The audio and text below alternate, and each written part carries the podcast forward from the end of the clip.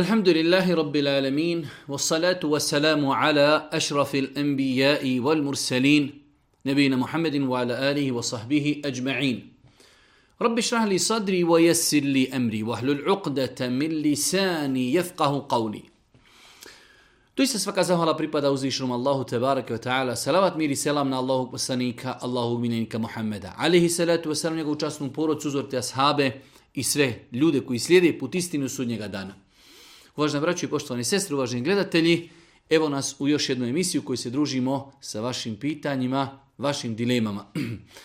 Ako smo dobro brojali, ovo je naša 35. emisija. Mi se trudimo od u svakoj emisiji prosječno 40 do 50, pa i nekada 60 pitanja odgovorimo.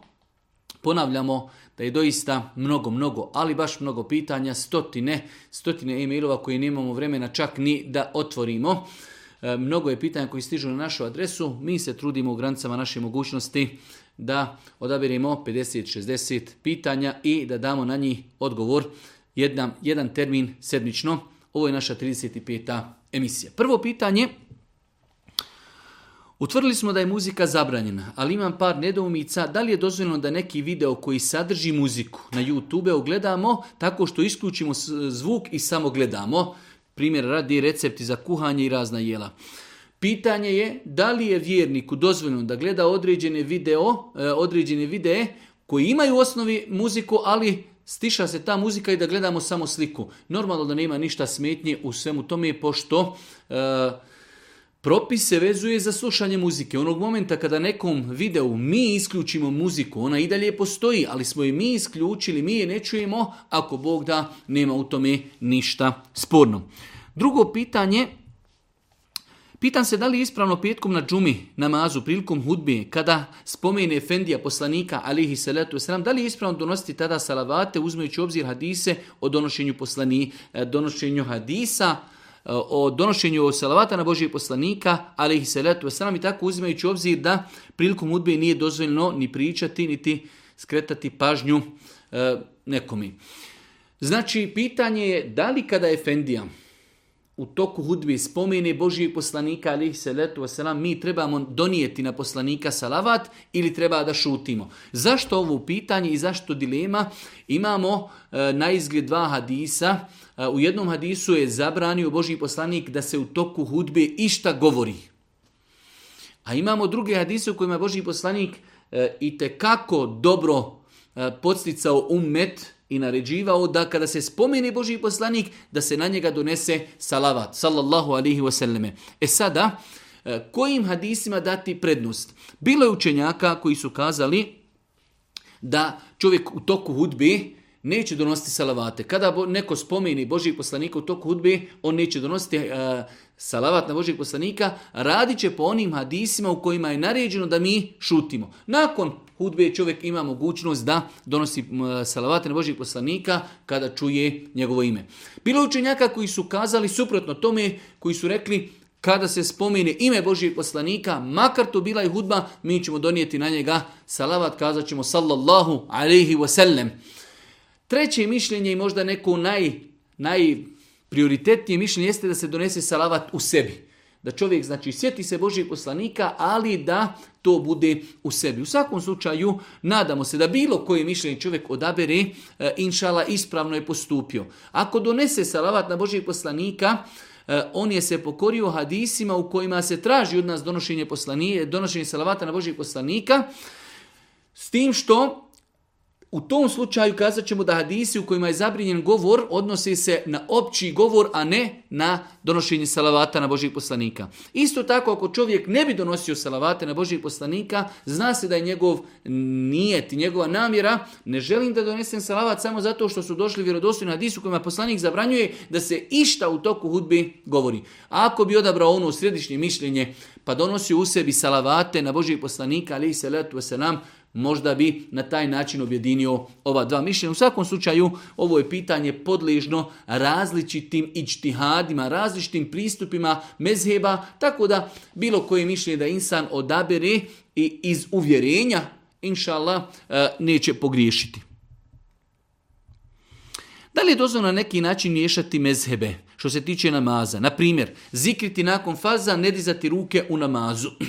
Nema smetnje da čovjek E, ako je na tom stepenu znanja da može odabrati iz različitih mezheba različita mišljenja, nema u tome ništa sporno, pogotovo Ovdje kada kažemo zikriti nakon farza i ne dizati ruke.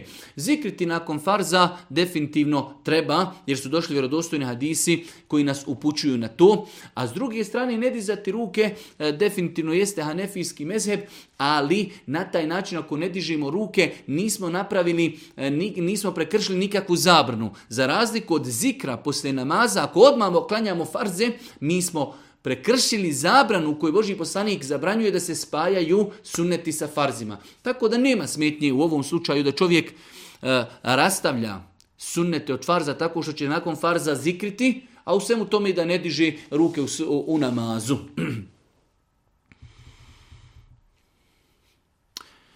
Esselamu alaikum, ne razgovaram sa hođom. Posvađali smo se. Da li je ispravno dobiljam namaz koji predvodi dotični efendija? E, insan pita, imao je neki problem, posadio se sa Efendijom, više ne govori. Pa on sad pita da li je namaz ispravan za takvim, e, takvom efendijom? Apsolutno nema nikakve e, da čovjek klanja sa osobom sa kojom ne priča. Mi ne želimo da sad razgovaramo, pošto to nije spomenuto e, razlog. E, muslimani generalno treba da vode dijalog, da razgovaraju, ne da se svađaju i ne da jedni druge bojkotuju, ali ako već imamo činjenično stanje, da li čovjek može otići u džamiju i klanjati i da li mu je namaz ispravan, može otići u džamiju i njegov namaz je ispravan.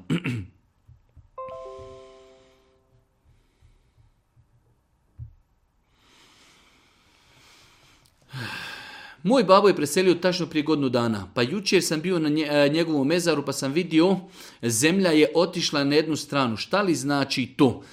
E, nerijetko se dešava da e, dođe do nekog, ajde da kažemo, potonuća malo zemlje zato što jednostavno iznad mejita daske koji su postavljene počnu lagano da truhnu, zemlja se znači slegne tako da ne treba to uopće vezivati sa nekim drugim pojavama. Znači to je jedna normalna pojava da e, nakon određenog vremena mezarovi se počnu malo e, slijegati tako da ne treba, ne treba se mnogo za to ako Bog da sekirati.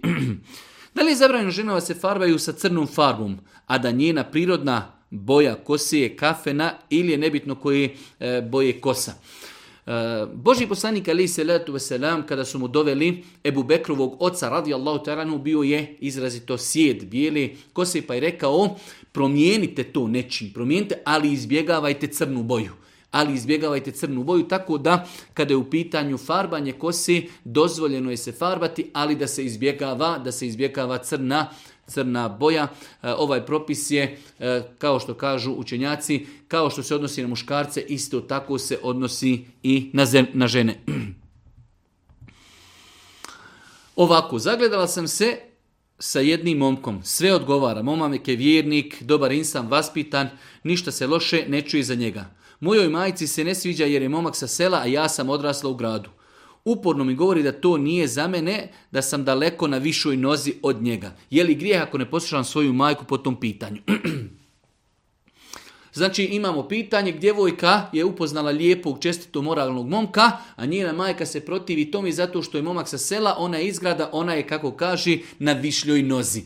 Smatram da je to neispravan pristup pitanju braka i čudim se da nekada roditelji tako zeleno gledaju na to pitanje. Svi mi koji smo oženjeni znamo da e, u braku se gleda e, vjera, moralnost, poštenje, čednost, a to je li neko sa sela ili ne, E, nikako ne smije biti razlogom da zbog toga odbijemo prosca ili da svojoj kćerci savjetujemo da ne uzme takvu moralnu osobu samo zato što nije izgrada. Možda će sutra e, doći momak koji je izgrada, ali možda pije, možda će je tući, možda će je varati, možda neće biti vjernik i tako dalje. Tako da e, u ovom slučaju smatram da ova naša sestra djevojka nije griješna ako ne posluša svoju majku zato što je pitanje vezano za nju.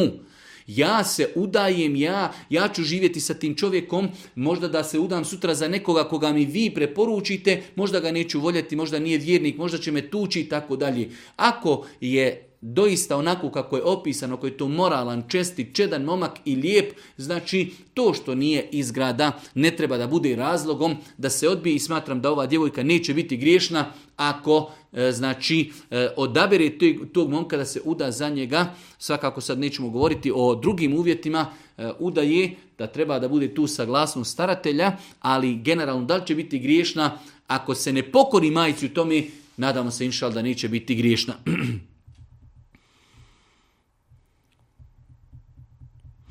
Da li se maloljetnicima po islamu pikaju grijesi ako oni to zloupotrebljavaju? To jest, ako su svjesni da im se ne, ne pikaju grijesi, da li će im se pikati ako oni rade namjerno grijehe? Imamo znači situaciju kada određena djeca su toliko inteligentna, oni znaju da još nisu, još nisu punoljetni, pa to u datom momentu malo izloupotrebljavaju, pa određene grijehe rade tvrdeći i govoreći da im se to ne piše zato što nisu punoljetni. Definitivno grijesi se djeci ne pišu sve dok ne budu punoljetni, bez obzira da li to oni zloupotrebljavali ili ne.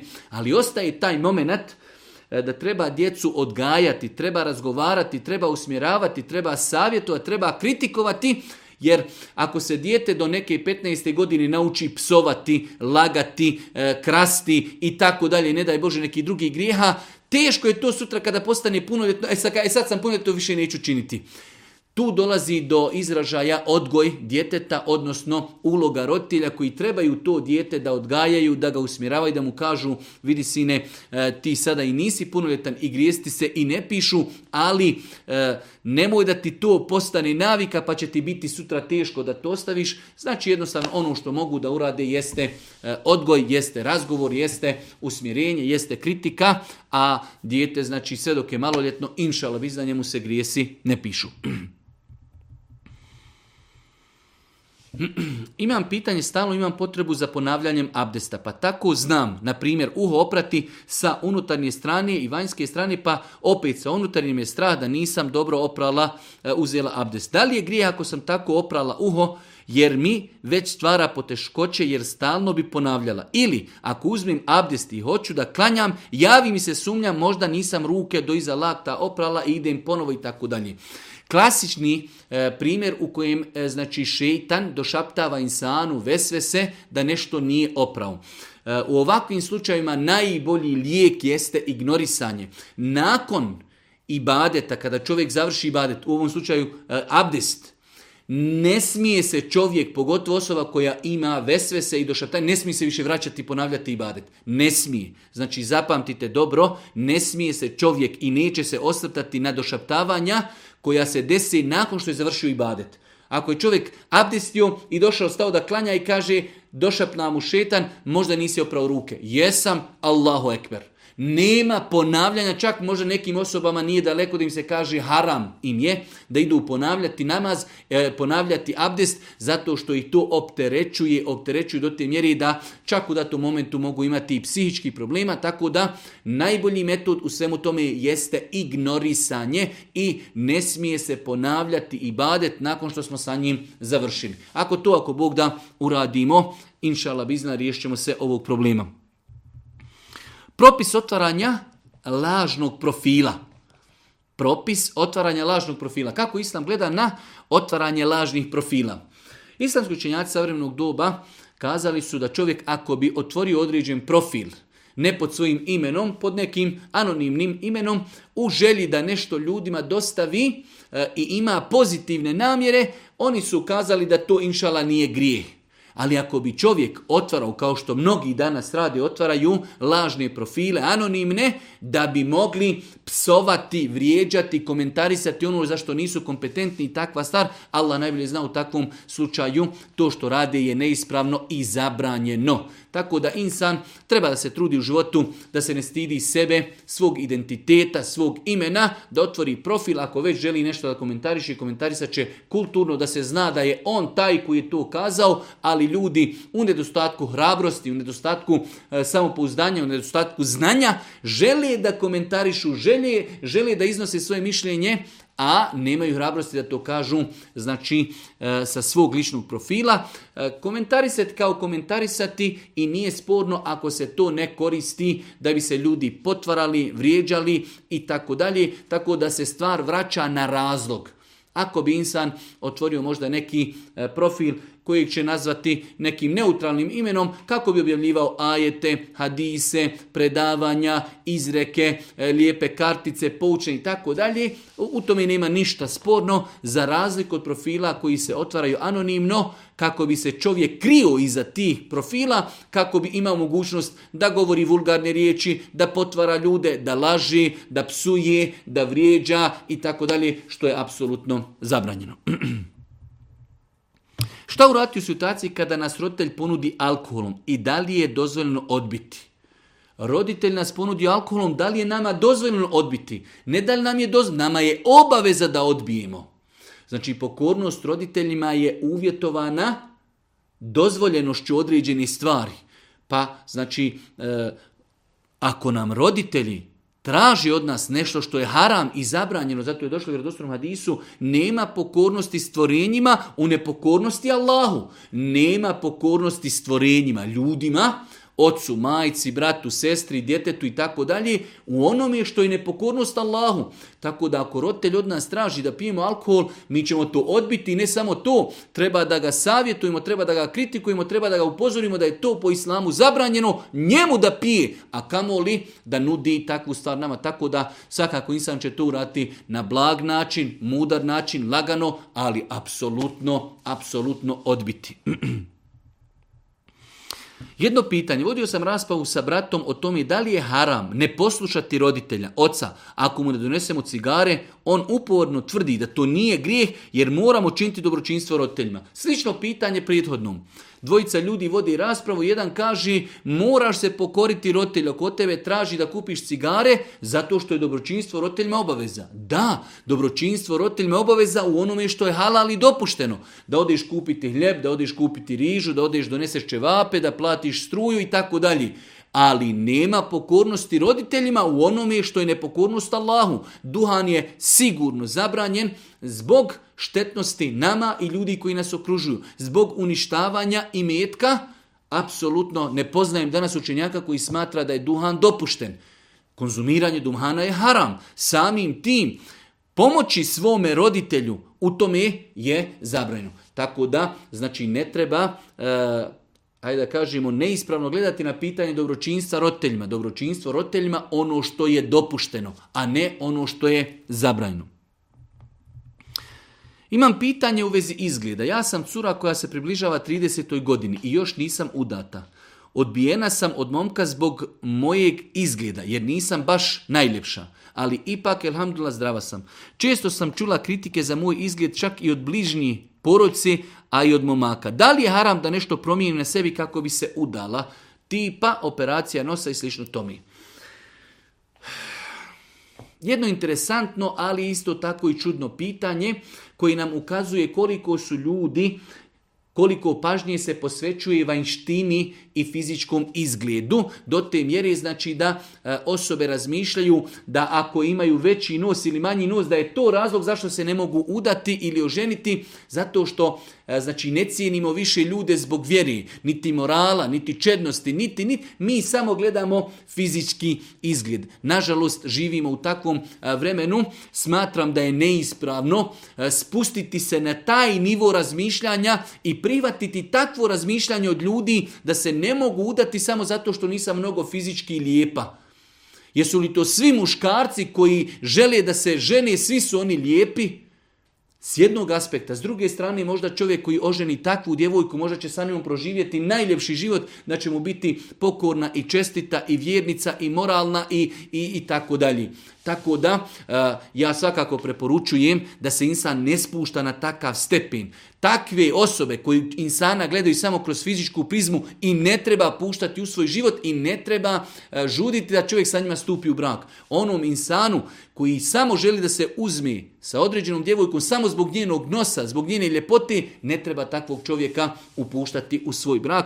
Ne smatram da je ovo na nekom nivou ne smatram da je ovo na nekom nivou da bi dozvolili da se u takvom slučaju radi i plastična operacija. Imate nekada slučajeva ljudi koji doista imaju određene velike deformacije i kojima to mnogo smeta do te, do te je da oni razmišljaju, ne daj Bože, da uradi samoubistvo, e, potišteni su, ne izlaze u društvo, teško im je. U takvim slučajevima možda i da se kaže da mogu uraditi određene korekcije kako bi jednostavno izbjegli e, takav pristup društva tim osobama. Iz ovog pitanja ja to nisam zaključio. Da li postoji neki određen način, dova ili slično, da sanjamo našeg poslanika Muhammeda alihi salatu wasalam? Nije mi poznato da postoji određena posebna dova koju čovjek može doviti, posebna dova, pa da vidi Božijeg poslanika kao plod te dovi. Ono što čovjek može jeste da uputi opću dovu i da zamoli gospodara gospodaru olakšaj mi, volio bi, moje srce žudi da vidim Božijeg poslanika u snu, olakšaj mi e, i počasti me time. To je ono što čovjek može uraditi, ali da postoji neka posebna dova ili neki poseban postupak, nije mi poznato da postoji određeni posebni postup i da postoji takvi postupci, to je bilo nešto opće poznato, kako i na koji način čovjek može da vidi Božijeg poslanika u snu. E, čovjek ne treba da gubi, hajde da kažemo, nadu, ako možda i u određenom periodu, godinu, dvije, tri, mašta i žudi ne vidi Božijeg poslanika. E, e, to što neko ne vidi u snu Božijeg poslanika ne znači da nije dobar vjernik. Isto tako, to što je neko vidio Božijeg poslanika ne znači da je bolji vjernik od svih onih koji to nisu vidjeli. Čovjek treba da mašta, da žudi, da dovi Allahu te barak vetala, ali ako se to desi, dobro i jeste. Ako se ne desi, neće, neće to na njega ostaviti velikog traga.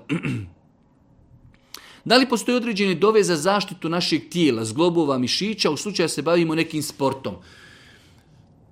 Ne postoje opet posebne dove da čovjek ima, e, ovo je Boži poslanik preporučio, ali eh, imamo problem što pitanje dove jednostavno nikako da ga shvatimo. Sve što imamo potrebu svojim riječima na svom jeziku, da li je to bosanski, da li je to njemački, da li je to engleski, da li je to albanski, da li je to makedonski, da kažemo ja rab, Čuvaj me, zaštiti me, sačuvaj me, pomozi me, ojačaj me. To je ono što možemo dobiti na svom maternjem jeziku.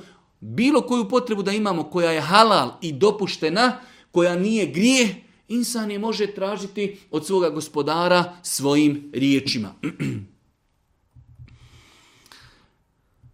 da li je mevlud novotarija i da li je mevlud zabranjen?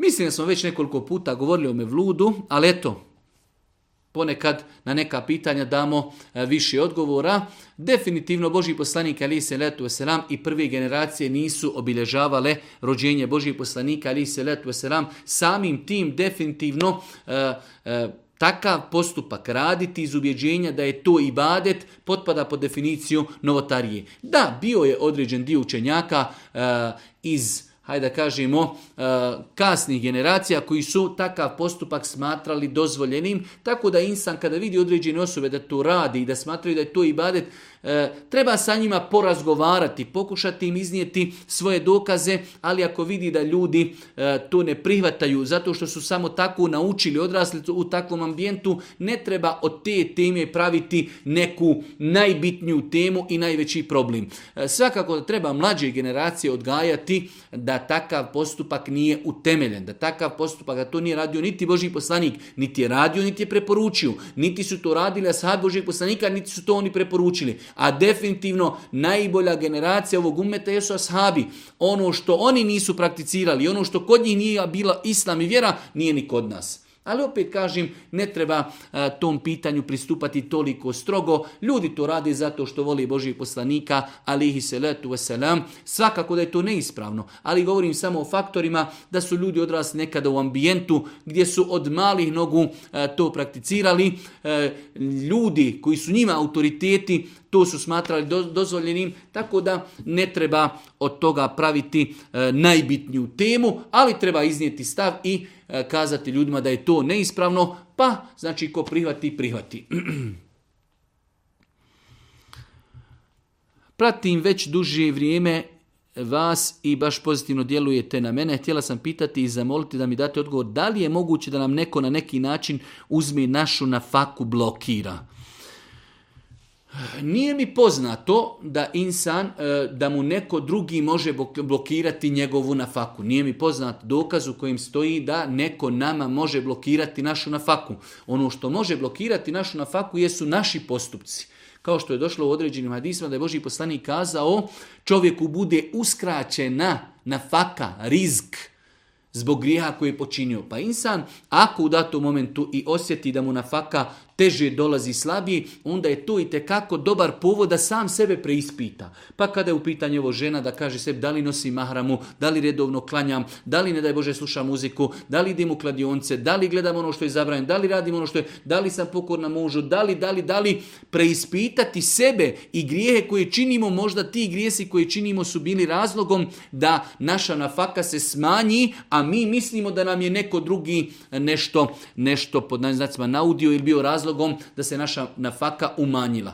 Tako da, s druge strane, kada insan poduzme sve što je mogao, eh, trudi se, ne čini grijehe, kaje se Allahu, a možda i dalje na faka manje dolazi, jednostavno to je ono što je njemu propisano. Allah tala je mudar, sveznajući, on zna kome će koliko propisati i dati. Čovjek treba da trči, da ide za nafakom, da ne zapostavlja Allahove granice, a koliko mu od nafake dođe treba da bude zadovoljan i zahvalan Allahu te barake wa ta'ala.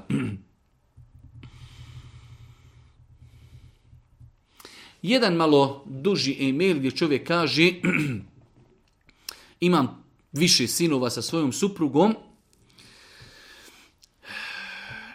Moja supruga me je prevarila prošle godine, učinila je nemoral sa jednim čovjekom. E, nakon toga se vratila, nakon toga otišla od kuće i ostavila djecu čovjeku i on sada pita šta da uradim, brate Peziću, ima li kakvo rješenje. E, Allah najbolje zna u slučajima kada, e, kada imamo situaciju da žena počini nemoral, i nakon toga neka je se, otišla je od kuće, ostavila čovjeka i njegovu djecu, možda u datom momentu čovjeku teško s njegovom djecom, ali je to možda s jedne strane blagodat da takva osoba čovjeka ne sramoti, da nema sa njim problema, sutra će možda zateći tu svoju suprugu sa čovjekom e, da, e, da možda ne daj Bože čini bludi nemoral, možda će biti u situaciji e, da napravi skandal, tako da možda ga je Allah na taj način sačuvao od zla te ženi i zla njenih grijeha i zla onoga što proizilazi iz svega toga. Svakako da čovjek e, ako ima mogućnosti da se žena vrati, ako se pokajala, ako želi da sačuva porodcu, to je nešto drugo. Ali iz ovog pitanja to ne shvatamo tako da ne možemo mi živjeti s nekim nasilu. Nažalost, nekada ljudi, nekada žene, to niko se vezuje za ljude, a nekada ljudi za žene do te mjere da ljudi žele nasilu da živi. Ako neko ne želi da živi, otišao od kuće, ostavio djecu, čini nemoral, Ma treba da ga i mi u datom momentu i odbacimo i završimo tu životnu epizodu. Idemo dalje, da li ćemo živjeti sa svojom djecom, da li ćemo tražiti sebi drugu suprugu i tako dalje, ali takvu osobu koja bježi od kuće, ostavlja porodcu koja čini nemoral i neka je se, takvu, takvu osobu treba definitivno izbaciti iz svoga života. Da li je grijeh vrijeđati drugu vjeru? Ne dolikuje vjerniku muslimanu da vrijeđa bilo koga, bez obzira da li se radilo o drugoj vjeri ili e, o sljedbenicima iste vjere kojoj on pripada. Čovjek neće ništa postići vrijeđajući nekoga.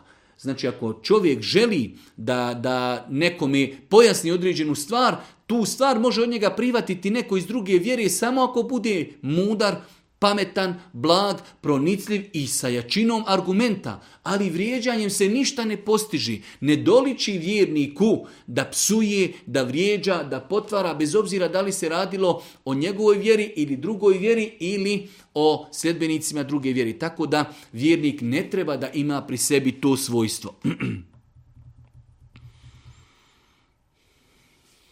Jedno malo duže pitanje, ali na kraju Čovjek kaže ukoliko završim zikr nakon namaza i želim klanjati sunnete, da li mogu na istom mjestu klanjati jer sam negdje gledao da bi poslije zikra trebalo i pomaknuti se sa mjesta na kojim smo klanjali. Čovjek koji je klanjao farze, nakon toga zikrio, nakon toga zikrio, on je rastavio, on je rastavio sunnete od farza i on kad ustane klanjati može klanjati na istom mjestu. Islamski učenjaci spomenuli su nekoliko načina kako se farzi mogu rastaviti od sunnita. Pa su kazali zikrom, govorom, izlaskom iz džamije ili pomjeranjem da čovjek odi na drugo mjesto. Tako da onog momenta, ako je čovjek već rastavio sunnete od farza, sjedeći, znači na, na jednom mjestu i zikreći, E, nema potrebi. Svakako ako želi da promijeni mjesto sa namjerom i željom kako bi sutra ta zemlja i ta mjesta njemu svjedočila kako je klanjao na više mjesta, to je u redu. Ali kao vid obaveze čovjek koji klanjao farze, nakon toga zikrio, nakon toga klanja sunnete, može klanjati na istom mjestu. Ako pomjeri se na drugo mjesto, ako Bog da, ispravno je postupio. Prilikom predaje selama na desnu i lijevu stranu, farza ili sunjeta, potirem lice rukama. Kako se to radi kod nas ovdje u Bosni? Da li se potiri lice nakon sunneta? Kada u pitanju potiranje lica nakon namaza ne postoji argumenti koji to potvrđuju. To je neispravno i najbliže što bi se moglo zato ukazati da neko ko to radi kontinuirano da je to novotarija. Postoji razilaženje kod učenjaka da li se nakon dove potire lice. I postoji znači određen dio učenjaka koji su smatrao da hadisi koji govori o tome da se nakon dovi potari lice, da su Hasan i dobri hadisi od kojih Hafiz ibn Hajar i drugi učenjaci, tako da nakon dovi može se potrati lice, onaj ko ne želi da potari e, zato što smatra da su hadisi otvoreni daif, inšala isto nije pogriješio. Ali potirati lice nakon namaza ne postoje dokazi da je to propisano, da je to činio Boži poslanik, ali se letu sram, tako da to čovjek ne treba činiti niti nakon farza, niti nakon sunnita.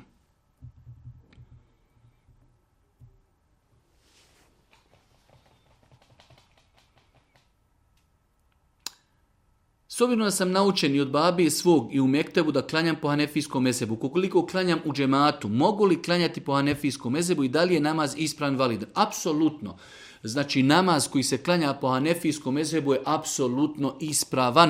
E, neka najveća razlika između hanefijskog mezeba i drugih mezheba jeste dizanje ruku, eventualno izgovaranje ami naglas i micanje prsta, sve su to neke sitnice u namazu. Tako da, znači mi govorimo konkretno o farzima koji se klanjaju za imamom, da su da je namaz po hanefijskom mezebu obavljen apsolutno ispravan i validan. Sada ostaju stvari koje se nakon namaza prakticiraju, koje nisu od hanefijskog mezeba, koje su e, neki dio naše tradicije, koji nisu potvrđene sunetom Božijeg poslanika kao što je zajednički zikr i slično tomi. Ali namaz kao namaz od početka namaza do predaje selama po hanefijskom mezebu definitivno namaz je ispravan bez obzira da li čovjek dizao ruke ili ne, da li izgovarao amin naglas ili ne, da li micao prstom e, na tešehudu ili ne, da li ruke svezao na pupku, ispod pupka ili iznad pupka, sve je to ako Bog da, sve su to neke nazovimo i sitnice E, koji ne utječu na validnost i ispravnost namaza.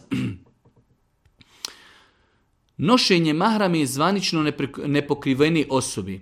Da li je dozvoljeno meni, kao još nepokrivenoj osobi, nositi mahramu u javnosti jedan ili dva dana, iako ću istu skinuti, bez da se to svati kao hir ili nešto slično tomi? Naime, nisam još pokriven, međutim nekada imam želju da nosim mahramu i izvan kuće bez da se to pogrešno shvati. Jedno pitanje koje je poprilično kompleksno, ali s aspekta islama gledajući žena koja nije pokrivena. U redu. Može li ona nekada da iziđe iz kuće bude pokrivena, a nekada otkrivena? Kada god iziđe pokrivena, ona je pokorna Allahu, kada god iziđe nepokrivena, ona je griješna. Svakako da kada god da može da obu, nosi mahramu, da je na taj način postala pokorna i umanjila svoje grijehe. E sad ostaje taj moment društveni što naš narod ne voli takve postupke i smatraju to kao jedan vid izigravanja serum. Ili ćeš nositi mahramu ili je nemoj nositi. Ali s aspekta islama da žena jedan dan nosi mahramu, jedan dan je ne nosi hoće na nju društvo gledati kao neku osobu koja je prevrtljiva. Ali ona onog dana kada je pokrivena, ona je pokorna Allahu. Onog dana kada je otkrivena, ona je nepokorna. Pa po kojoj osnovi mi joj mogli kazati nemoj u nekim danima nositi mahramu? Nemamo, e, kao što imate ljudi koji nekada klanjaju, nekada ne klanjaju. Da li takvim ljudima trebamo kazati, vidi, nemoj tako, ili ćeš klanjati sve ili nemoj nikako. Normalno im kažemo, klanjaj, pa dobro, klanjaš sabah i jaciju, pa će doći podne, pa će doći lagano i kindija i tako dalje. Tako i ta mahrama. E, definitivno smatram da je bolje da žena donese odluku i da nosi trajnu mahramu. Ali, ako to ne može, pa ako će jedan dan nositi mahramu, pa jedan dan ne nositi i to je jedan vid umanjavanja grijeha i jedan vid privikavanja na mahramu, da se ne stidi svoje mahrame, da se ne stidi izići u grad bez mahrame, tako da ne možemo reći da je to neispravno, ali e, s aspekta društvenog definitivno će to biti pogrešno protumačeno.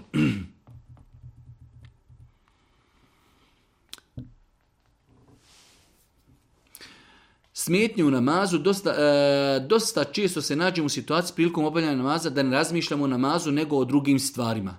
Da li postoji nešto što bi mogla da uradim ili radim kako bi se takva situacija smanjila? To su stvari koje jačaju čovjekovu koncentraciju na namazu. Mi smo o tome govorili, držali predavanja u knjizi Namaz rado smoka moga. Treće poglavlje samo govori o konkretnim načinima i metodama kako jačati svoju koncentraciju na mazu. Ono što je možda najbitnije spomenuti jeste da čovjek isključi sve faktore koji ga dekoncentrišu. E, da li u pitanju televizor koji radi, da li djeca koja galami, da li ima nešto mnogo šareno oko njega što privlači njegovu pažnju. Znači, ako čovjek ima potrebu za toaletom, za hranom, da to sve ispuni kad stane klanjati, da je isključio sve što ga dekoncentriši. A onda ostaje moment koncentracije. Najbolja koncentracija je spoznaja da stojimo pred Allahom te ta'ala, da sa njim u namazu razgovaramo, da naučimo prijevod onoga što učimo. Da znamo prijevod Fatihe, da znamo prijevod etahijatu, da znamo prijevod sura i da na taj način razmišljamo o onome što učimo. To su neke osnovne metode i način kako pojačati koncentraciju. Svi oni koji žele detaljnije o tome mogu da nađu dosta korisnih informacija u knjizi z radostoka moga, treće poglavlje. Da li je ispravno da klanjam sabah u 4.30 jer mi radno vrijeme počinje od 5, na vaktije i sabah počinje u 5.30? Znači, može li se saba klanjati saha vremena ranije nego što počinje vakti, zato što čovjeku počinje radno vrijeme u pet? Nemoguće. Rekli smo po konsenzusu islamskog učenjaka nije dozvoljeno, ne samo saba, bilo koji drugi namaz. Klanjati prije nastupanja namaskog vremena. Ako znamo da podni nastuplja u pola 12, ne možemo ga klanjati u 11 nikako, neispravno je po konsenzusu islamskih učenjaka, zato namasko vrijeme ima početak i kraj. Pa kao što ne možemo klanjati prije, ne možemo ni poslije moramo klanjati taj namaz u njegovom vremenu, tako da u ovakvoj situaciji insan treba da od kuće krene pod abdestom, kada nastupi namasko vrijeme, da nađi sebi neki 4-5 minuta vremena, pauzice i neke mali, da negdje stane, da klanja sabaske, ako ništa, farze, da ispuni ono što ga je e, uzvišen Allah zadužio. A ako može klanjati sunnete, dobro jest, ako ne može, bitno je da klanja farze prije izlaska sunca. U petak neću moći obaviti džumu namaz, pa bi vas pitao šta da uradim kako bi se skupio za to. Nije pojašnjeno razlog niti situacija, ali u situaciju u kojoj čovjek dođe da ne može klanjati džumu, onda će klanjati podne i on nema nikakav drugi iskup. Ovo nije nikako odobravanje da se ne klanja džuma, ali mi govorimo o situaciji u kojoj čovjek kaže ja sigurno znam, ne mogu klanjati džumu, šta ću? U takvoj situaciji čovjeku je obaveza da klanja podni namaz i ne postoji nikakav drugi iskup koliko je meni poznato, osim da čovjek nastavlja redovno klanjati, da se pokaja Allahu te tala za grije koje je počinio. Da li kada muž ženi nekoliko puta kaže eno ti hi vrata? Eno ti hi vrata. E, malo čudna fraza, ali misli se da li to spada u razvod braka. Znači ako čovjek kaže eno ti vrata, možeš da ideš, da li to spada u razvod braka? Koliko znam da smo nekoliko puta govorili o razvodu braka, e, razvod braka e, ili metode ili izrazi razvoda braka se dijele u dvije metode ili dvije vrste izraza. Imamo jasne izraze kada čovjek kaže ženi razvodim te, puštena si, nisi mi više žena, znači jasno joj kaže. U takvim slučajevima znači e, pada talak, pada razvod braka, bez obzira bio čovjek e, šalio se ili bio ozbiljan. Za razliku od termina e, u kojima čovjek dvosmisleno nešto kaže. Čovjek kaže ženi idi svojima da li je to razvod ili ne, u takvim slučajevima se stvar vraća na čovjekovu namjeru i nijet. A između njega i Boga je hoće li slagat. Ali tada mi njemu kajemo šta si mislio?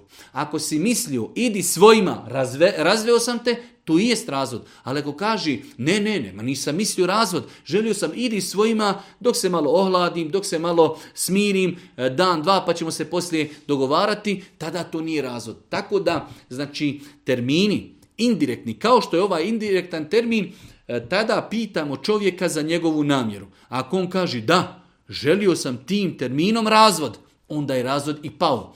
Ako kaže ne, nisam želio razvod, jednostavno želio sam ono što sam kazao, tada se nije desio razvod braka. Dobar dan, dragi naš hođa. Imam jedno veoma ozbiljno pitanje. Da li je dozvoljeno da se dijete ne osunneti? I do koliko godina se to može uraditi? Hvala unaprijed.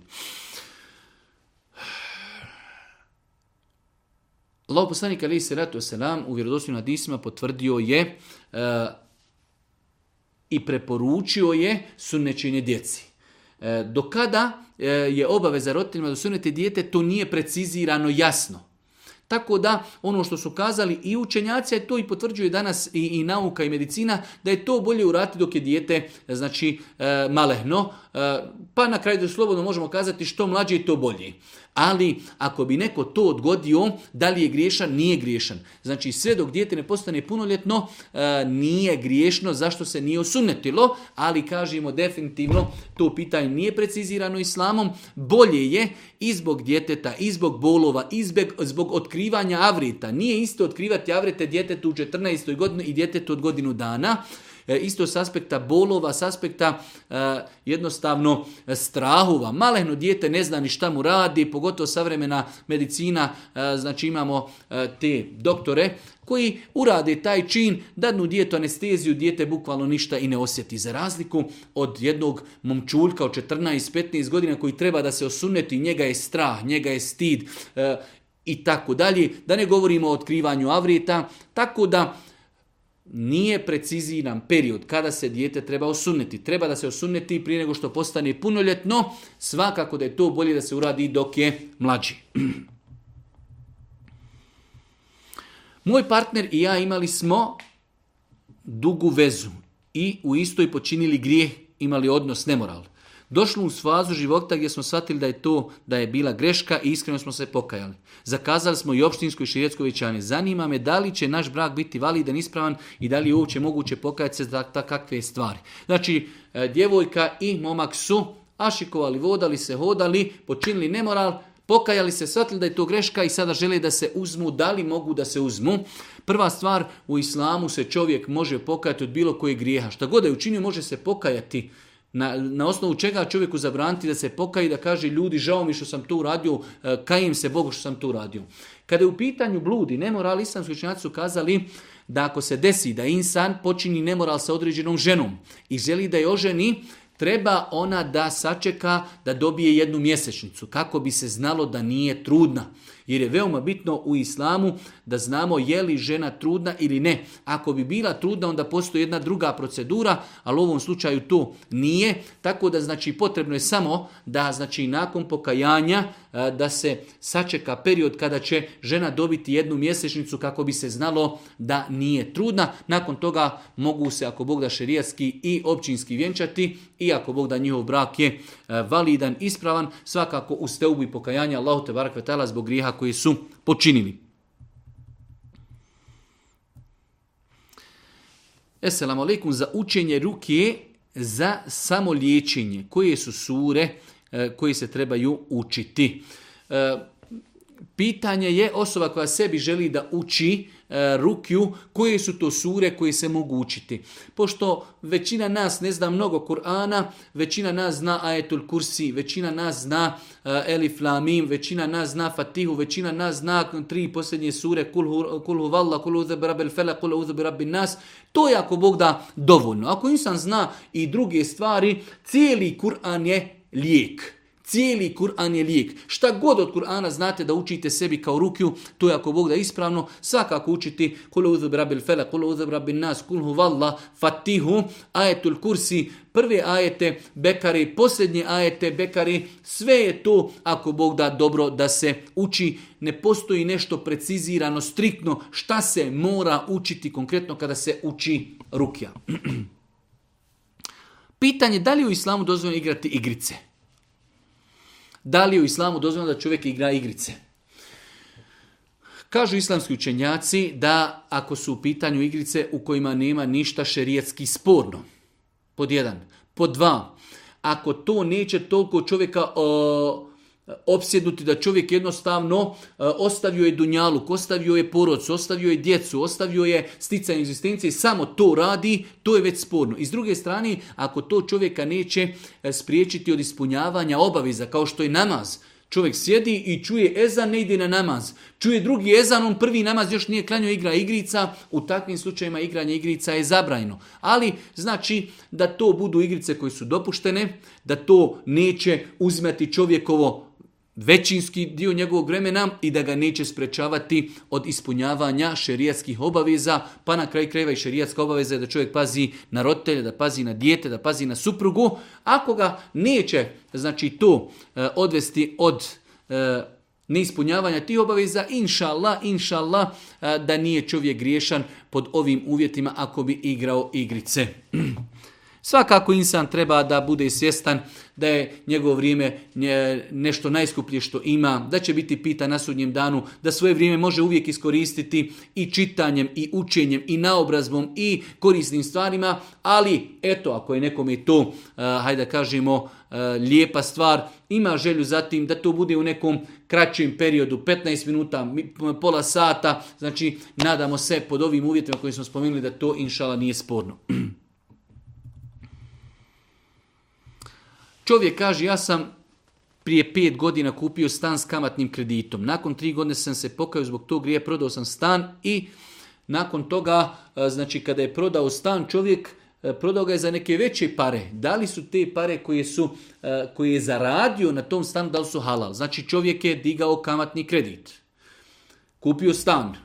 Nakon tri godine se pokajao, prodao stan, želi da se riješi tog eh, kredita, vratio je kredit, ali ima viška para zato što je ta nekretnina poskupila. Da li je njegov novac halal? Inšala bizle, nadamo se da nema ništa sporno u tom njegovom e, imetku kojeg je dodatno zaradio. Bitno je da je on vratio taj dug koji ga je opterećavao, a to što je dodatno nešto zaradio, nadamo se inšala da je halal i dopušteno. Poštovani, Peziću zanima me nošenje mahrame pred muškom djecom. Kolika dob djeteta mora biti da bi žena morala nositi mahramu? Pitanje kada žene moraju nositi mahramu pred djecom, odnosno e, E, imamo tri situacije. Imamo dječicu koja sigurno ne znaju ni šta je ljepota, ni šta je žena, ni znaju šta je avret. To su dječica godina, dvije, pa i tri godine koji jednostavno ne pravi razliku je li žena pokrivena, otkrivena, je li lijepa, nije, je li i tako dalje. Pred takvom djecom sigurno žena može biti otkrivena.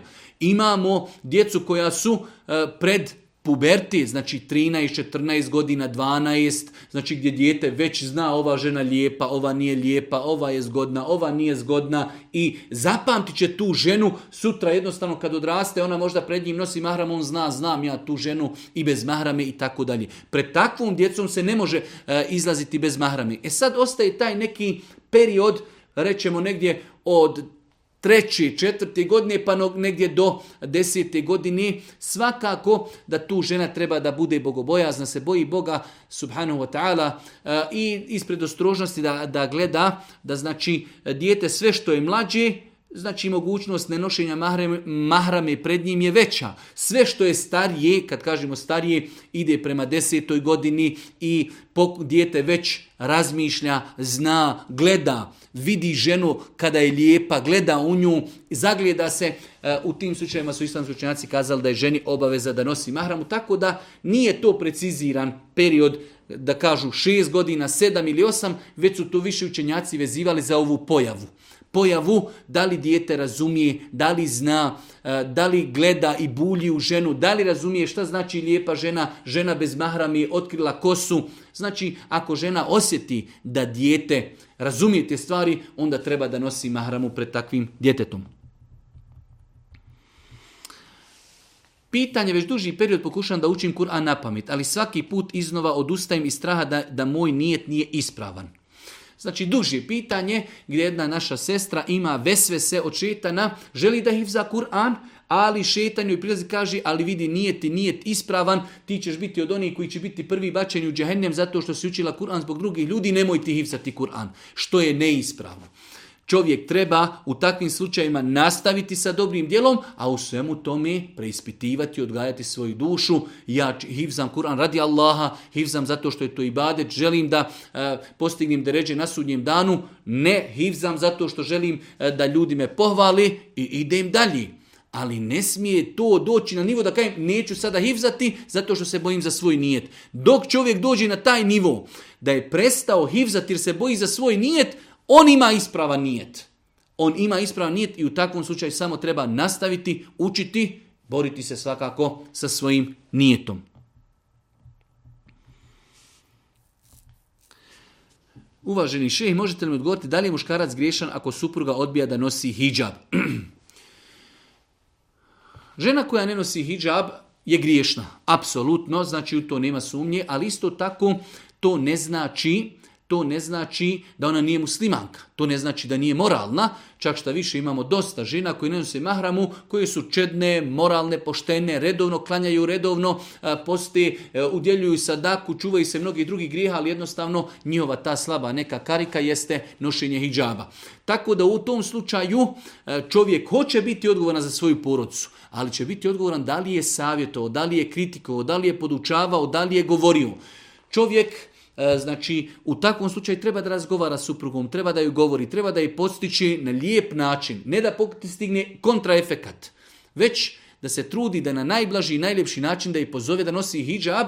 E, nakon toga, ako ona i dalje ostane pri svom stavu, on je poduzeo ono što je mogao i neće biti griješan. Znači da čovjek ima supruga koja ne želi nositi mahramu, on sa njom razgovara, on je podstiči, upozorava, kazuje, ona i dalje ostaje na svom stavu, on nije griješan zbog toga. Imam pitanje vezano za zjevanje, lajanje i slično svih pasa u toku zana. Čula sam razne teorije, pa ako vi znate, odgovorite mi, bilo bi interesantno znati. ono što mi imamo, e, to su pitanja koja su pitanja gajba. Znači zašto psi zavijaju kada čuju ezan, zašto psi e, radi nešto, to su za nas pitanja gajba. Ono što imamo jesu vjerodostojni adiz da je Allah poslanik kazao kada noću začujete lavež pasa i revanje magaraca zatražite utočište kod Allaha jer oni su vidjeli ono što vi ne vidite. U nekim drugim adizima je došlo da su vidjeli šeitane. Tako da čovjek kada čuje da psi zavijaju ili da magarci e, znači kako je rečeno, rev, eh, revaju, eh, tada je propisano čovjek se utječe Allahu, eud bilahim min šeitan rađim, Allah molim da me zaštiti, sačuva i tako dalje. To je ono što čovjek može da uradi, jer poslani kaže oni su vidjeli ono što vi ne vidite. U drugim hadisima je došlo da je eh, pas kada zavija vidio je šetana. To je ono što mi znamo. Zašto oni zavijaju? Znači, to je nešto drugo, ali Boži poslanik nas je upozorio da kada čujemo, zjeva, kada čujemo Eh, lavež ili kada čujemo eh, lavež pasa ili nešto slično tome je zavijanje, nama je propisano da se utječemo Allahu te barake od šetana i od zala koja nas mogu zadesiti zato što su oni tada vidjeli ono što mi ne vidimo. Zanima me da li je zabranjeno otkrivanje polnih organa. Danas postoje žene koje to rade. Zanima isključivo isključivo depilacija intime. Da li je zabranjeno da te to radi i druga žena koja se time bavi profesionalno? Pitanje da li je ženi dozvoljeno da otkrije avrete, stidne dijelove tijela kako bi druga žena koja bavi se profesionalno tim poslom depilirala njeno tijelo. Ako se radi o depilaciji koja je zbog estetike, zbog ljepote, tada je to definitivno haram. Ako bi se radilo o depilaciji zato što se hoće uraditi određen hiruški zahvat koji je opet obavezan i zbog određene bolesti, tada je to nužda. Tako da znači depilacija e, tijela bez obzira bio muško ili žensko, ako se otkrivaju e, stidni dijelovi tijela je osnova da je to zabranjeno. I osobe koje radi depilaciju, ako imaju određeni saloni, ljepote e, i ukrašavanja, ne smiju to raditi. To je haram. Način sticanja novca je zabranjen da čovjek depilira muškarcu stidne dijelove tijela ili da žena depilira ili muškarcu ili ženi stidne dijelove tijela zato što je to zabranjeno otkrivati osim, rekli smo, ako postoji neka potreba, e, treba se raditi određen hiruški zahvat, to je nešto drugo. Ali govorimo o samoj depilaciji kao vid ukrašavanja ljepoti, to je zabranjeno i to baš strogo zabranjeno. Esselamu alaikum, Efendija, imamo jedno pitanje. Da se vi razumijete u rodbinska koljena? Ako je moja pranina i njegov, misli se na e, momka, njegov djed, ako je moja pranena i njegov djed Dajđić, koje smo mi koljeno i da li smo mi bližnja ili daljna rodbina? pradede, pranene i dedo, tetići i dajđići. Apsolutno i definitivno da su te dvije osobe, znači muškarac i djevojka, da su oni daljna rodbina e, s aspekta islama, njima je dozvoljno da stupaju u brak. Da li će to urati, da li će to njihovi roditelji prihvati, kako će to izvesti, to je nešto drugo. Mi govorimo s aspekta islama da imamo djevojku i imamo momka, e, njezina pranena i njegov djed su amidžići, odnosno dajđići. E, da li njih dvoje mogu ustupiti u brak, s aspekta islama mogu ustupiti u brak, definitivno da su oni već e, daljnja rodbina. E, u islamu znači e, to što je neko nekom je daljnja rodbina ne znači da ne mogu stupiti u brak, s aspekta islama mogu stupiti u brak. Da li će u ratu ili neće, kako će to urati, da li će dobiti saglasnost roditelja ili neće, to je pitanje koji se vraća njima. Da li je dozvoljeno mačku držati u kući kao kućnog ljubimca? Nema smetnje da se drži mačka kao kućni ljubimac, ono što je zabranjeno po islamu da kućni ljubimac bude pas. A za kućnog ljubimca da uzmemo mačku ili akvarijum ribice, ili da to bude e, ptica, ili da to bude papagaj, ili da to budu kanarinci, e, znači sve te stvari bitno je samo da čovjek tim životinjama obezbijedi hranu da se ne pate gladne, to što su one zatvorene, što se ne kriječu, inšalvizna vizna, e, nije sporno šerijetski, Bitno je da samo kućni ljubimac nije pas. Kada je u pitanju mačka, dozvoljeno, kada je u pitanju ptica, kada je u pitanju kanarinac, kada je u pitanju papagaj, kada su u pitanju ribice ili kornjače, sve te stvari, ako Bog da spomenute životinje, mogu biti kućni ljubimci, samo pod uvjetom da pod uvjetom da insan im obezbijedi hranu. Svakako da insan treba da se poduči pitanje mačke, izmet mačke i mokraća i izmet sve to nečisto. Čovjek treba da pazi na higijenu svoje kuće i tako dalje. E, znači to je veoma bitna stvar, ali s aspekta da li može da bude mačka kućni ljubimac s aspekta islama može. Pozdrav, Elvedine, zanima da li u islam dozvoljeno koristiti TikTok, pošto na TikToku ima dosta muzike i generalno dosta harama stvari.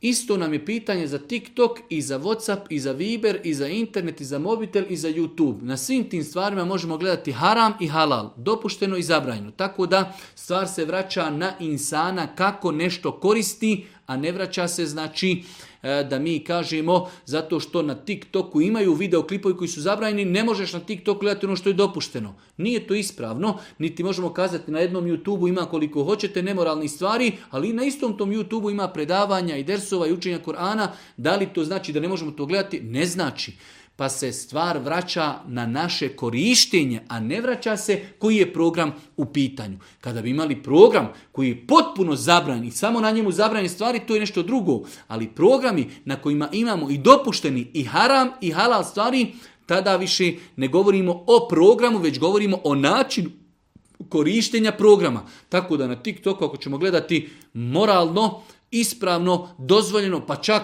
imamo na TikToku i e, korisni stvari koji su predavanja, video isjeci, odgovori. Ako insan gleda dopuštene stvari, onda mu je korištenje TikToka dozvoljeno. Ako gleda nemoralne stvari i ono što je zabranjeno po islamu, tada mu je korištenje toga zabranjeno.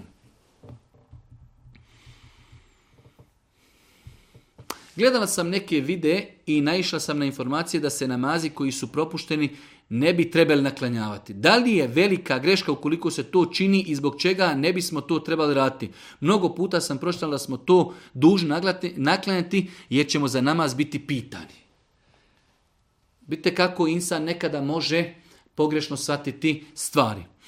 Mm, da li se mogu naklanjavati namazi? Mi smo rekli da velik broj smatra da insan koji propusti namaz da ga treba naklanjati. Ja lično sam stava da ne treba naklanjavati zato što je namaz vremenski ograničen maksimalno se treba potruditi da klanjamo u vremenskom, e, u periodu kada je određen namaz. Kao što ga ne možemo klanjati prije namaz, namazskog vremena, ne možemo ni poslije. E, tako da nema potrebe da se naklanjava. A da li je grijeh naklanja, da li e, ćemo imati koristi od toga? Ja lično smatram da nemamo koristi od toga. A da li je grijeh to ako klanjamo? Neće inša, insan biti griješan ako je naklanjavao, ali ja smatram da nije ispunio obavezu. E sada ovdje dolazimo, kaže, mnogo puta smo pročitali da ćemo biti pitan za namaz. Da, mi ćemo biti pitan za namaz, jesmo li ga klanjali u njegovom vremenu, a ne jesmo li ga naklanjali. Zato se insan vjernik treba potruditi da svoj život sav organizira prema namazu, jer će biti pitan za namaz. Baš tako kako stoji u pitanju, bit ćemo pitanj za namaz, a ne da li smo naklanjavali namaze, to je znači nešto potpuno drugo. Selam. Da li je tačno da treba izbjegavati hranu i pića e, koja sadrži industrijski šećer jer sam čuo od učača ruke da se time džini hrani? da bi tvrdili da određene stvari džini voli i da se time hrani, moramo zato imati dokaz iz Kur'ana i suneta Božih poslanika. To što je možda neko nekom učio rukju, pa iz njega progovorio džin i kazao mi džini e, volimo industrijski šećer, to je znači stvar u koju čovjek vjernik ne smije vjerovati. To je stvar u koju čovjek vjernik musliman ne smije vjerovati. Tako da tvrditi da džini i šetani se hrane industrijskim šećerom je stvar za koju moramo imati dokaz. Ako nemamo dokaza, onda znači ostaje da je to dopušteno jesti, tako da ne poznajem dokaz u kojim stoji da je, da je, hrana džina i šetana e, industrijski šećer, tako da samim tim nije dozvoljeno u to vjerovati, niti to prakticirati. da li smijem citirati neki neku suru iz Kur'ana na, pamet dok sam džunup? I da li smijem da čitam Kur'an iz aplikacije e, od mobitela bez abdesta? Dva pitanja. Pitanje da li možemo učiti Kur'an sa mobitela iz aplikacije bez abdesta, rekli smo da može.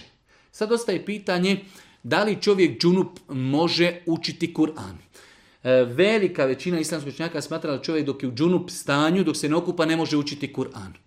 E, ovdje ako se misli da li čovjek može u datom momentu, on je možda u džunup stanju, ali razgovara o vjeri i onda mu kaže, rekao je uzvišen Allah neki aje da citira da bi potvrdio određen stav.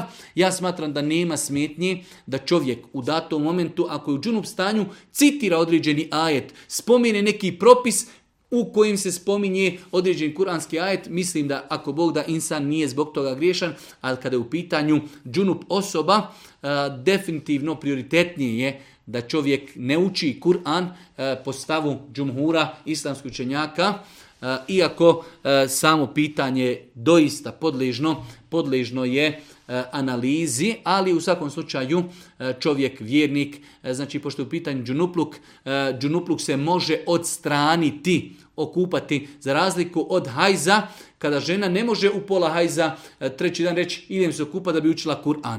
Za razliku od čovjeka koji je u džunup stanju, koji se može okupati da bi učio Kur'an, tako da džunup osoba definitivno treba da izbjegava učiti Kur'an. Ali ako bi se radilo o tome da nekome citira jedan ajet ili dio ajeta zbog nekog propisa, nadamo se da u tome nema ništa sporno. Stižu novogodišnji praznici i moja porodca i ja smo u samom centru tih zbivanja. Pruža nam se prilika da što šta zaradimo na prodaji dječjih paketića. Da li nam je haram takva zarada? Allah najbolje zna eh, bilo koji vid podržavanja i pomaganja slavljenja nove godine prema islamu i islamskim učenju je zabranjen, tako da i sam vid prodavanja novogodišnjih paketića ne bi trebao da bude praksa muslimana i ne mislim da je to halal posao, niti halal imeta koji se stekni.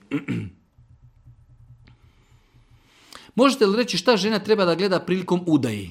Kakav karakter, ponašanje i da li treba da se gleda imovina? U svakom slučaju, e, prilikom stupanja u brak i djevojka i e, e, momak prvenstveno trebaju da gledaju na vjeru. Ali i nakon vjere ostaju mnoge druge stvari. Može insan biti vjernik, ali možda se fizički jedno drugom ne sviđaju. Ili mentalno, ili temperamentom, ili e, znači u mnogim nekim drugim stvarima. Tako da prvenstveno se gleda vjera, ali i mnoge druge stvari, pa čak i metak.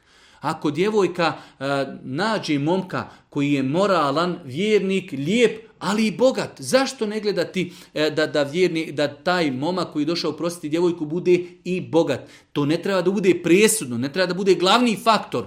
Ali ako mogu birati da imam momka koji je vjernik i bogat i momak vjernik, ali je siromašan, zašto e, nema smjetnje u tome da se e, odabere onaj koji je bogat. Tako da e, svakako gledati na karakter osobe, gledati na iskrenost osobe, gledati na fizički izgled, gledati na porijeklo, sve te stvari će se otkriti prilikom kontakta, znači prilikom razgovora kada se e, momak upozna sa djevojkom, prilikom razgovora, prilikom e, pitanja ljudi o toj osobi, e, otkriće se njegove osobine koje su nama bitne kada je u pitanju brak.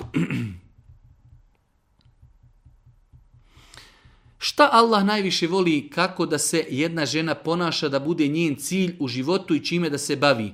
Kako da stekne Allahovo zadovoljstvo? Žena pita čime žena bi trebala da se bavi i da stekne Allahovo zadovoljstvo. Mnogo je načina i metoda kako žena može da stigne i postigne Allahu subhanahu wa zadovoljstvo i čak većina tih stvari su i za muškarce i za žene. Robovanje Allahu te ta'ala kroz pokornost. Znači da žena bude pokorna, što god zna da je naređeno to čini, što god zna da je zabranjeno da to ostavlja da se bori sa sobom i svojim namjerom, sa svojim srcem, iskrenost. Ihlas jedna je od najjačih stvari putem koji čovjek može zadobiti Allahovo zadovoljstvo.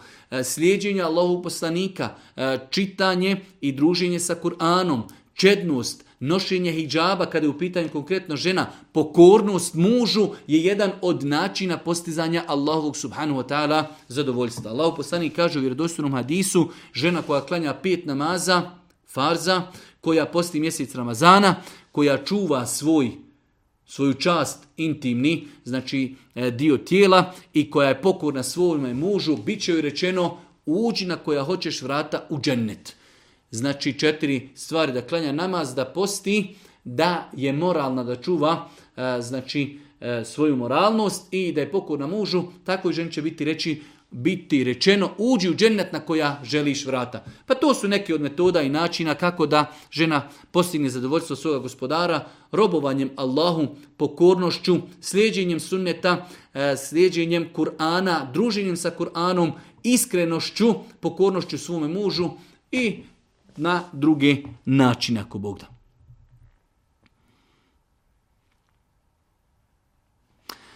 Zanima me jedno pitanje. Žena koja se nije udava, udala na Dunjalku, koja nije bila u braku, a bila je vjernica i uđe u to hoće li ona imati nekoga u džennetu ili će biti sama? Pitanje je djevojke koje su bile vjernice na Dunjaluku, nisu se nikada udale i tako su umrle, da li će u džennetu imati e, nekoga s kime će živjeti ili ne. Dvije stvari su veoma bitne, a to je prva stvar je da se trebamo maksimalno truditi da dobijemo džennet. A druga stvar je u džennetu će svi biti zadovoljni. Imaće ono što im njihove duše poželi. Tako da žena koja nije imala muža na Dunjaluku, imat će u džennetu ono što poželi. Ako poželi da ima muža, ona će ga i imati. Znači, tako da ne treba se mnogo opterećavati. Šta ćemo imati u džennetu, koliko se treba opterećavati, kako ćemo taj džennet zaslužiti, a u džennetu će svi biti zadovoljni. Tako da, znači kao što ima žena koji su umrle, nisu bile udavate, isto tako ima i momaka koji su e, bili vjernici, momci, koji su umrli, a nisu bili ženjeni, tako da znači ima, ima opcija, ima mogućnosti da žena i na hiretu ima nekoga s kime će e, biti e, kada je u pitanju muž ili nešto slično tome, ali rekli smo treba veća preokupacija da nam bude, da nam bude kako i na koji način zaslužiti Allaho zadovoljstvo i njegov džennet. Poznato mi je da proučen jedan harf iz Kur'ana donosi deset sevapa, ali me zanima je li ista nagrada za proučen harf iz suri koju znamo na pamet. Pitanje je da li različita je nagrada ako učimo Kur'an na pamet i ako učimo Kur'an e, znači iz mushafa, ne poznajem dokaz koji pravi razliku između te dvije vrste nagrade. Bitan je izgovor, znači ono što mi izgovorimo, da li smo to izgovorili na pamet ili gledajući u mushaf, to je znači apsolutno nebitno, tako da nadamo se Allah, da svaki proučen harf, proučen iz mushafa ili proučen na pamet, imamo desetorostruku nagradu. 48. pitanje, nadam se da je ovo predposljednje pitanje, da li je halal pegovati muškarca u islamu? Moram biti iskren, e, prije nego što mi je postavljeno ovo pitanje nisam znao šta znači ovaj termin pa sam to morao malo i provjeriti. E, pegging je izraz kojim se označava seksualna aktivnost kojim žena analno zadovoljava muškarca, e, muškog partnera koristeći kao sredstvo umjetni muški spolni organ, pričušćen za nju, odnosno Slikovito rečeno, žena glumi muškarca, njen muški partner glumi ženu u običajnom e, seksualnom odnosu. Da li je dozvoljeno da žena koristi vještački spolni, e, spolni organ kao muški, da to pričvrsti na sebe i da ona kao ima intimni kontakt sa svojim e, muškarcem, ona glumi muškarca, a on glumi ženu strogo zabranu. Bilo koji kontakt koji završava i koji znači znači e, analno naslađivanje muškarca i ženi ili muškarca sa muškarcom ili ženi sa ženom je svakako strogo zabranjen. E, nažalost, moram kazati da me ovakva pitanja u datom momentu i iznenađuju.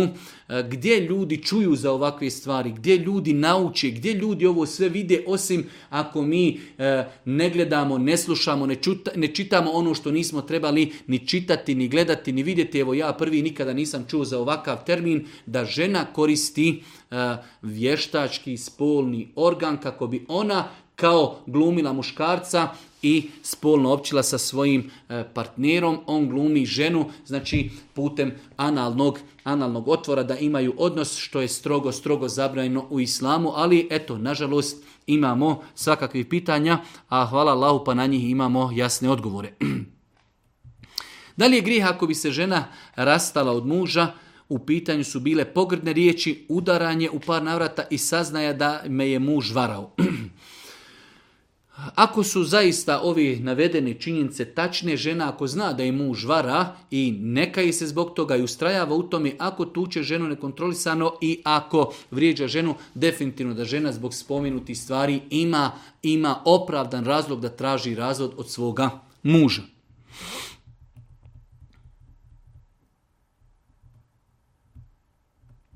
Posljednja dva pitanja. Musliman sam i praktikujem vjeru, ali čitajući prijevod časnog Kur'ana naišao sam na neke dijelove koji su me zbunili pa bih želio da otklonim bilo kakvu sumnju. Prva stvar, znači ja ću to malo rezimirati u suri El Kehf. Allah Đeršanu kada govori o onoj skupini mladića spominje da je bio s njima njihov pas, pa je ovdje kao pitanje postavljeno e, kako je u to vrijeme moglo da oni imaju svoga psa, a znamo prema islamu da je zabranjeno imati psa kao kućnog ljubimca i tako dalje. E, prva stvar, nigdje se ne navodi da je to bio e, pas njihovo vlasništvo. Već je navedeno u priči da je taj pas bio sa njima u toj pećini. To je jedna stvar. Druga stvar, moramo znati jedno generalno pravilo kada čitate nešto u čemu se spominju historija i šerijeti ljudi prije nas, da to ne mora da znači da su šerijatski propisi naši, našeg šerijata islama, eh, odnosno Kur'ana koji je objavljen Muhammedu alaihi salatu wasalam, identični za i u njihovo vrijeme i za naše vrijeme. Imate određene stvari koji su ljudima prije nas bile dopuštene, nama su zabranjene. I obrnuto, neke stvari su njima bile zabranjene, nama su dopuštene, tako da e, znači e, svi propisi e, nisu identični, identični u šerijatu poslanika koji su bili prije nas i u šerijetu eh, Muhammed Ali Selatu Selam, odnosno u Kuranu koji je objavljen Božim poslanikom Muhammedu Ali Selatu Selam. Tako da ovdje uopšte nema nikakve eh, kontradiktornosti, niti eh, potrebe da se sekiramo i da se brinemo. Znači prva stvar, nigdje nije spomenuto da taj pas bio njihovo vlasništvo. Može se veoma lako desiti da su krenuli oni prema toj pećini i da je nekakav pas lutalca naišao i krenuo zajedno s njima. Može se lako desiti kada bi to tumačili iz perspektive našeg šerijata, da je neko od njih imao psa koji mu je bio dozvoljen da drži ga, možda mu je to bio lovački pas, možda je to bio pas koji je čuvao usjeve i tako dalje, a rekli smo na kraju krajeva oni su živjeli po svom šerijatu koji se mogao razlikovati u propisima od našeg šerijata. I drugo isto pitanje e, u suri Kehf, Allah Žešanu kada govori o hidru, ovdje se navodi da to bio Zulkarnin, što nije tačno, radilo se o hidru koji putovao za, zajedno sa Musaom alaihi se nema onaj poznati događaj kada je Musa leto salatu Sram obećao da neće ništa pitati, da će putovati sa Hidrom, ali da ga poduči određenim stvarima. Pa jedna od stvari koju radio Hidr jeste da je ubio dijete. Pa je ovdje kao pitanje kako se to moglo desiti da je Hidr ubio dijete. Prva stvar, Allah Žešanu u suri Kehf nakon ovog događaja kaže da Hidr kada je govorio Musa'u kaže وَمَا فَعَلْتُهُ عَنْ Ja to nisam uradio po svom nahođenju.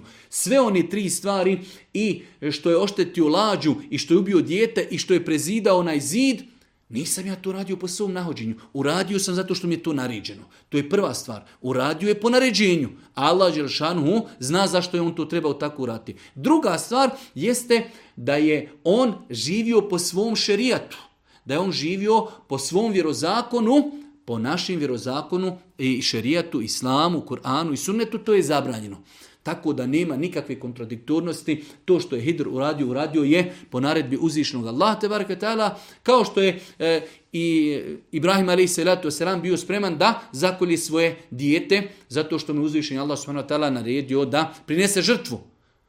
Tako da znači e, to su bili njihovi šerijati, a mi živimo po jednom drugom šerijatu. S druge strane znači Kazali smo da je Hidr na kraju kazao وَمَا فَعَلْتُهُ عَنْ emri Ja te stvari nisam uradio po svome nahođenju jer mi je tako naređeno. I posljednja stvar, posljednje pitanje, 51. pitanje, Živim i radim u Sloveniji, udaljeni smo od najbliže džamije 15 km. Zanima me kada klanjam u stanu sa Hanumom, da li se to broji kao da smo klanjali u džematu i da li imamo nagradu kao da smo klanjali u džematu. Duboko se nadamo da u ovakvim slučajevima ljudi koji nemaju blizu džamije, ako klanjaju u kući sa svojom porucom, ako Bog da, Allah subhanahu je milostiv, njegove riznice su e, velike, nepresušne, da će ovakve ljude nagraditi uh, nagradom namaza u džematu. Molim Allah subhanahu wa da nas učesti na putu istini. Molim ga subhanahu wa da nas poduči korisnom zanju i na kraju subhaneke, Allahumma bihamdike, ešhedu in la ilaha ilan stakfiruke, wa etubu ilik. Ah.